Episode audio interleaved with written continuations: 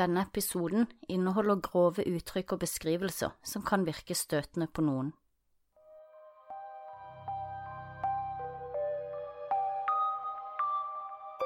Sett deg godt til rette med noe godt i kroppen, og bli med inn i mord og mysteriers verden.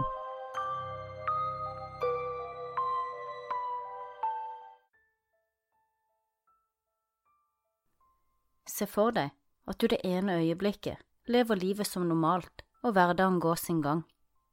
I neste øyeblikk våkner du opp naken og fastbundet med kjetting i et lite mørkt rom mens du hører en grov, ukjent mannestemme fortelle via en båndopptaker i over to timer om hvilke grusomme voldtekter og torturmetoder du skal utsettes for de neste ukene. Kelly Garrett var en gift kvinne tidlig i 20-årene denne julekvelden i 1996 hadde hun kranglet med sin mann, og bestemte seg derfor for å stikke ut på byen og spille biljard med noen venner. Så fikk de begge litt tid til å roe seg ned. Kellys venninne Jessie Ray foreslo at de tok en tur på utestedet Blue Water, som lå i Truth or Consequences i New Mexico. Mens Kelly koser seg med biljard, putter hennes venninne Jessie noe i ølet til Kelly, uten at hun merker det, og ganske snart kjenner Kelly at hun begynner å bli svimmel. Kelly tar seg ut av utestedet og går mot parkeringsplassen. Så blir alt svart da Jesse slår henne i bakhodet. Når Kelly våkner til, står hun naken på alle fire, lenket fast til gulvet med et jernhalsbånd rundt nakken. Rommet er mørkt, og hun er forvirret. De neste to dagene blir Kelly utsatt for grove voldtekter og tortur. Hun sklir ut og inn av bevissthet og er ekstremt medtatt, både fysisk og psykisk. Hun blir sterkt dopet ned, og det er mange ting Kelly ikke husker fra de to dagene i fangenskap. Da Kelly enda pusta etter tre dager, på tross av alt hun hadde blitt utsatt for, tok David fram en kniv og kuttet over strupen på Kelly. Deretter kjørte David av gårde og dumpet henne i en grøft langs veien ved Caballo. David trodde han hadde drept Kelly, men utrolig nok så levde hun ennå og da hun kom til seg selv i grøften, hadde hun problemer med å huske hva som hadde skjedd og hvordan hun hadde havnet der. Hun klarte å komme seg til et sykehus og fikk behandling for skadene sine, før hun tok kontakt med politiet og sin ektemann. Men verken politiet eller ektemannen trodde på historien hennes om at hun hadde vært på et utested, og at hun gikk derifra, og deretter ikke husker noen ting, før hun våknet opp skadet i en grøft på et ukjent sted. Kellys ektemann, var overbevist om at Kelly hadde vært utro mot ham den natten hun forsvant, og at hun diktet opp en historie for å få sympati. Kort tid etter søkte han om skilsmisse. Kelly flyttet til Colorado for å starte et nytt liv, alene og traumatisert. Det skulle gå tre år før Kelly fikk svar på hva som hadde hendt med henne, og hvem som hadde gjort det. Politiet hadde identifisert henne via en tatovering på ankelen da de under arrestasjonen av David Ray Parker hadde funnet en video av henne hvor hun ble voldtatt og torturert i vognen til David. David Parker Ray ble født 6. november 1939. David og søsteren Peggy vokste opp hos sin strenge bestefar, som likte å disiplinere ungene. Av og til fikk de besøk av sin alkoholiserte og voldelige far, Faren pleide å gi David sadomasochistiske pornoblader når han kom på besøk. Allerede som tenåring hadde David fantasier om å voldta, torturere og drepe kvinner. Hans søster Peggy hadde flere ganger sett at David tegnet pornografiske bilder som handlet om bondage og sadisme. På ungdomsskolen ble David ofte mobbet av klassekameratene fordi han var så sjenert rundt jenter. Han tok utdannelse som mekaniker og arbeidet mange år i militæret, hvor han også fikk en tjenestemedalje for sitt arbeid. Innen han fylte 55 år, hadde han giftet seg og skilt seg fire ganger, og blitt far til to barn. Den ene var hans datter Glenda Jean Ray, også kalt Jessie Ray blant venner. Det var 22. mars 1999 da Cynthia Wiegel gikk opp og ned langs gaten i Albuquerque i håp om å finne en kunde for å tjene litt raske penger. Mens hun går oppover, møter hun på en bekjent som sier han har en kunde til henne. Han tar henne med bort til en bil som står parkert, og Cynthia blir introdusert til en eldre herre med rødlig bart og bustete hår. Cynthia setter seg inn i bilen, og de begynner straks å diskutere pris og tjeneste. De blir etter hvert enige, og Cynthia får pengene. Hun bøyer seg ned for å legge pengene i skoen, og idet hun reiser seg opp, får hun et par håndjern festet rundt håndleddet. Mannen sier han er politi, og at hun er arrestert for å selge seksuelle tjenester, mens han gliser bredt. Cynthia begynner å kjempe imot for å komme seg løs, men før hun får summet seg, spretter plutselig en dame fram og lammer henne med en elektrosjokkpistol. David Ray Parker og kjæresten hans, Cindy Handy, doper ned Cynthia mens de tar av henne klærne og låser henne fast med håndjern. De truer med å skyte henne og gi henne elektrosjokk om hun forsøker å skrike. David og Cindy kjører den redde og desorienterte Cynthia til hjemmet deres i Elephant Bøtte, hvor de tvinger henne inn i huset og binder henne naken på en seng i stuen, med armer og ben spredt. Deretter får hun et jernhalsbånd rundt nakken. Taket er dekket av speil, slik at hun kan se alt som ble gjort mot henne. En av Davids seksuelle fantasier var at kvinnene så hva som skjedde med dem. Da Cynthia våknet, naken og fastbundet, i et fremmed rom, var hun ekstremt redd og forvirret. I rommet hørte hun en mørk, kald og usympatisk stemme som forteller i detalj hvilke planer de har for henne, hvilke torturmetoder de skal utsette henne for, og hvordan hun skal voldtas og ydmykes. Dette er noe av teksten fra lydbåndet som David sine ofre ble tvunget til å høre på. Jeg advarer om grovt språk og beskrivelser. Hei der, de fitte, er du komfortabel nå? Det tviler jeg på, der du ligger med armer og ben lenket fast, med munnen kneblet og øynene tildekket. Du er antageligvis forvirret og redd, noe som er helt normalt med tanke på situasjonen du er i. Men for en liten stund er du nødt til å ta deg sammen og lytte til dette lydopptaket, siden det er veldig relevant for din situasjon. Jeg kommer til å fortelle i detalj hvorfor du har blitt kidnappet, hva som kommer til å skje med deg, og hvor lenge du kommer til å være her. Du er her ufrivillig, opplagt nok, helt hjelpeløs, du vet ikke hvor du er, eller hva som kommer til å skje med deg, du er enten veldig redd eller veldig forbannet. Jeg er sikker på at du allerede har forsøkt å få løs både armer og ben uten å lykkes. Alt du kan gjøre nå, er å vente og se hva som skjer med deg. Du tenker sikkert at du kommer til å bli voldtatt, og det har du faen meg helt rett i. For størst interesse er det du har mellom lårene. Du kommer til å bli voldtatt grundig og gjentatte ganger i hvert eneste hull du har. Hovedgrunnen til at vi har tatt deg og ført deg hit, er så vi kan øve oss på deg og bruke deg som sexslave. Det høres kanskje ut som galskap, og for noen er det sikkert det, men vi, vi gjør dette hele tiden, vi elsker det. Det kommer til å kreve mye av deg, og du kommer ikke til å nyte et eneste sekund, men det bryr ikke vi oss om. Du kommer uansett ikke til å ha noe du skulle ha sagt. Du har blitt tatt med makt, og du kommer til å bli holdt og brukt med makt. Du kommer til å bli holdt naken, lenket fast som et dyr slik at du kan brukes og misbrukes når enn vi måtte ønske det, på alle de måtene som vi ønsker. Etter noen måneder går vi nok lei av deg, det skjer til slutt. Jeg og dama mi har hatt sexslaver i mange år, og vi blir alltid lei av personen til slutt. Som jeg sa tidligere, kommer du til å bli behandlet som et dyr. Jeg har nok holdt på med dette for lenge, jeg har voldtatt fitter som deg siden jeg var gammel nok til å runke og binde små jenters armer fast bak på ryggen deres. For meg er du bare et vakkert kjøttstykke som skal brukes og utnyttes. Jeg kunne ikke brydd meg mindre om psyken din eller hva du føler om denne situasjonen.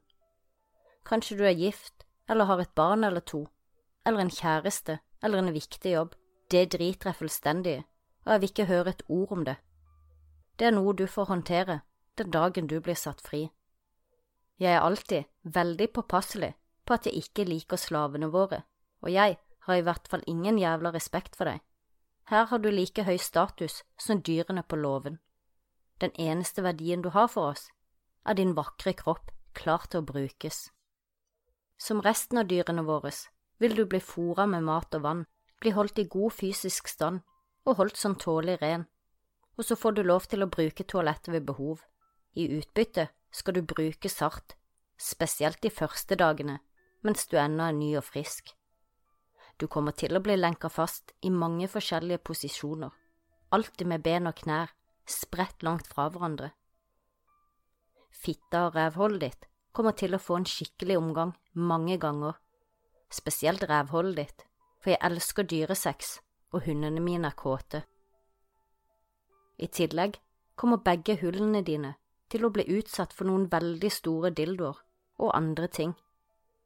Og dette trenger jeg sikkert ikke si engang, men det blir selvfølgelig mye oralsex.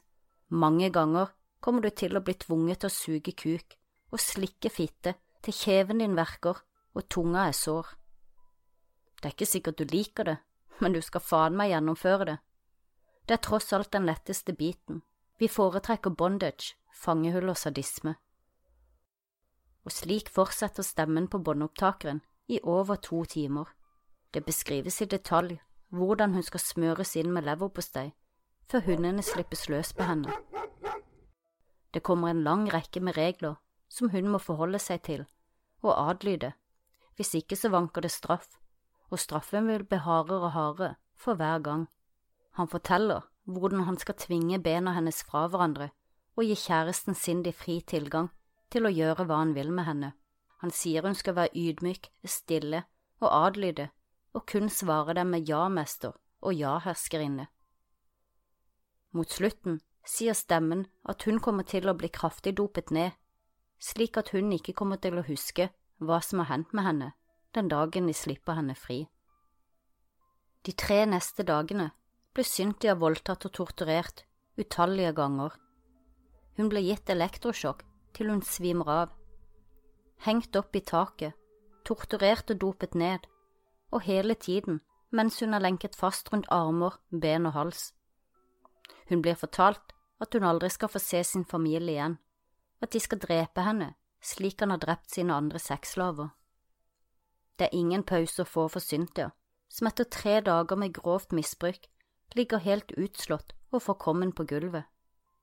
David må tilbake til arbeid, og han vurderer Cynthia til å være så forkommen at hun ikke kommer til å lage noe bråk, så han tar av henne håndjernene og fotlenkene før han drar på arbeid. Hun er fremdeles lenket fast til veggen med jernhalsbånd rundt nakken. Men David hadde undervurdert Cynthia. Hun var fysisk og psykisk utkjørt etter tre dager i helvete, men ikke så forkommen som David hadde trodd. Mens David er på arbeid, får hans kjæreste Cindy en telefon. Hun blir distrahert, og uten å tenke seg om, legger hun fra seg nøkkelen på et lite bord i nærheten av Cynthia. Cynthia forstår at det er nå eller aldri. Hun strekker og vrir på kroppen sin for å rekke bort til nøkkelen, og idet Cynthia får tak i dem, kommer Cindy inn i rommet og oppdager hva hun holder på med. Cindy hiver seg over Cynthia, og det oppstår et basketak hvor Cindy slår Cynthia i hodet med en lampe. Mens de kjemper mot hverandre, klarer Cynthia å få tak i telefonen og ringer politiet, men hun rekker ikke å kommunisere med dem før Cindy tar telefonen fra henne. Mens Cindy er opptatt med å legge på telefonen, griper Cynthia tak i en ishakke som ligger rett ved henne, og slår Cindy hardt i hodet. Cynthia får deretter tak i nøklene, låser seg fri og løper alt hun kan ut av huset og nedover gaten. Naken, med et jernhalsbånd og jernringer rundt føttene, får hun til slutt hjelp av noen som bor i nærheten. De tar henne inn og gir henne trøst mens de ringer politiet. Takket være Cynthia, som hadde lykkes med å rømme, fikk politiet endelig tak i David Ray Parker og hans medskyldige. Da saken om David kom ut i media, var det flere kvinner som sto frem med lignende historier, og felles for flere av dem var at de var blitt kidnappet fra utestedet Blue Water i Truth or Consequences. Det viste seg at eieren av baren var en av Davids sine medsammensvorne. Det samme var hans datter, hans kjæreste og et par andre venner. I en av videoene som politiet hadde funnet i huset til David, kunne man se Kelly, som hadde blitt dopet ned av Jesse, Davids datter, før hun ble kidnappet, voldtatt og torturert. Kelly, som hadde mistet ektemannen fordi han ikke hadde trodd på henne da hun sa hun hadde blitt kidnappet og torturert. Han som ba om skilsmisse fordi han trodde hun hadde vært utro. Jeg lurer på hva han tenkte når sannheten kom fram tre år senere, om hvilket helvete konen hans hadde blitt utsatt for.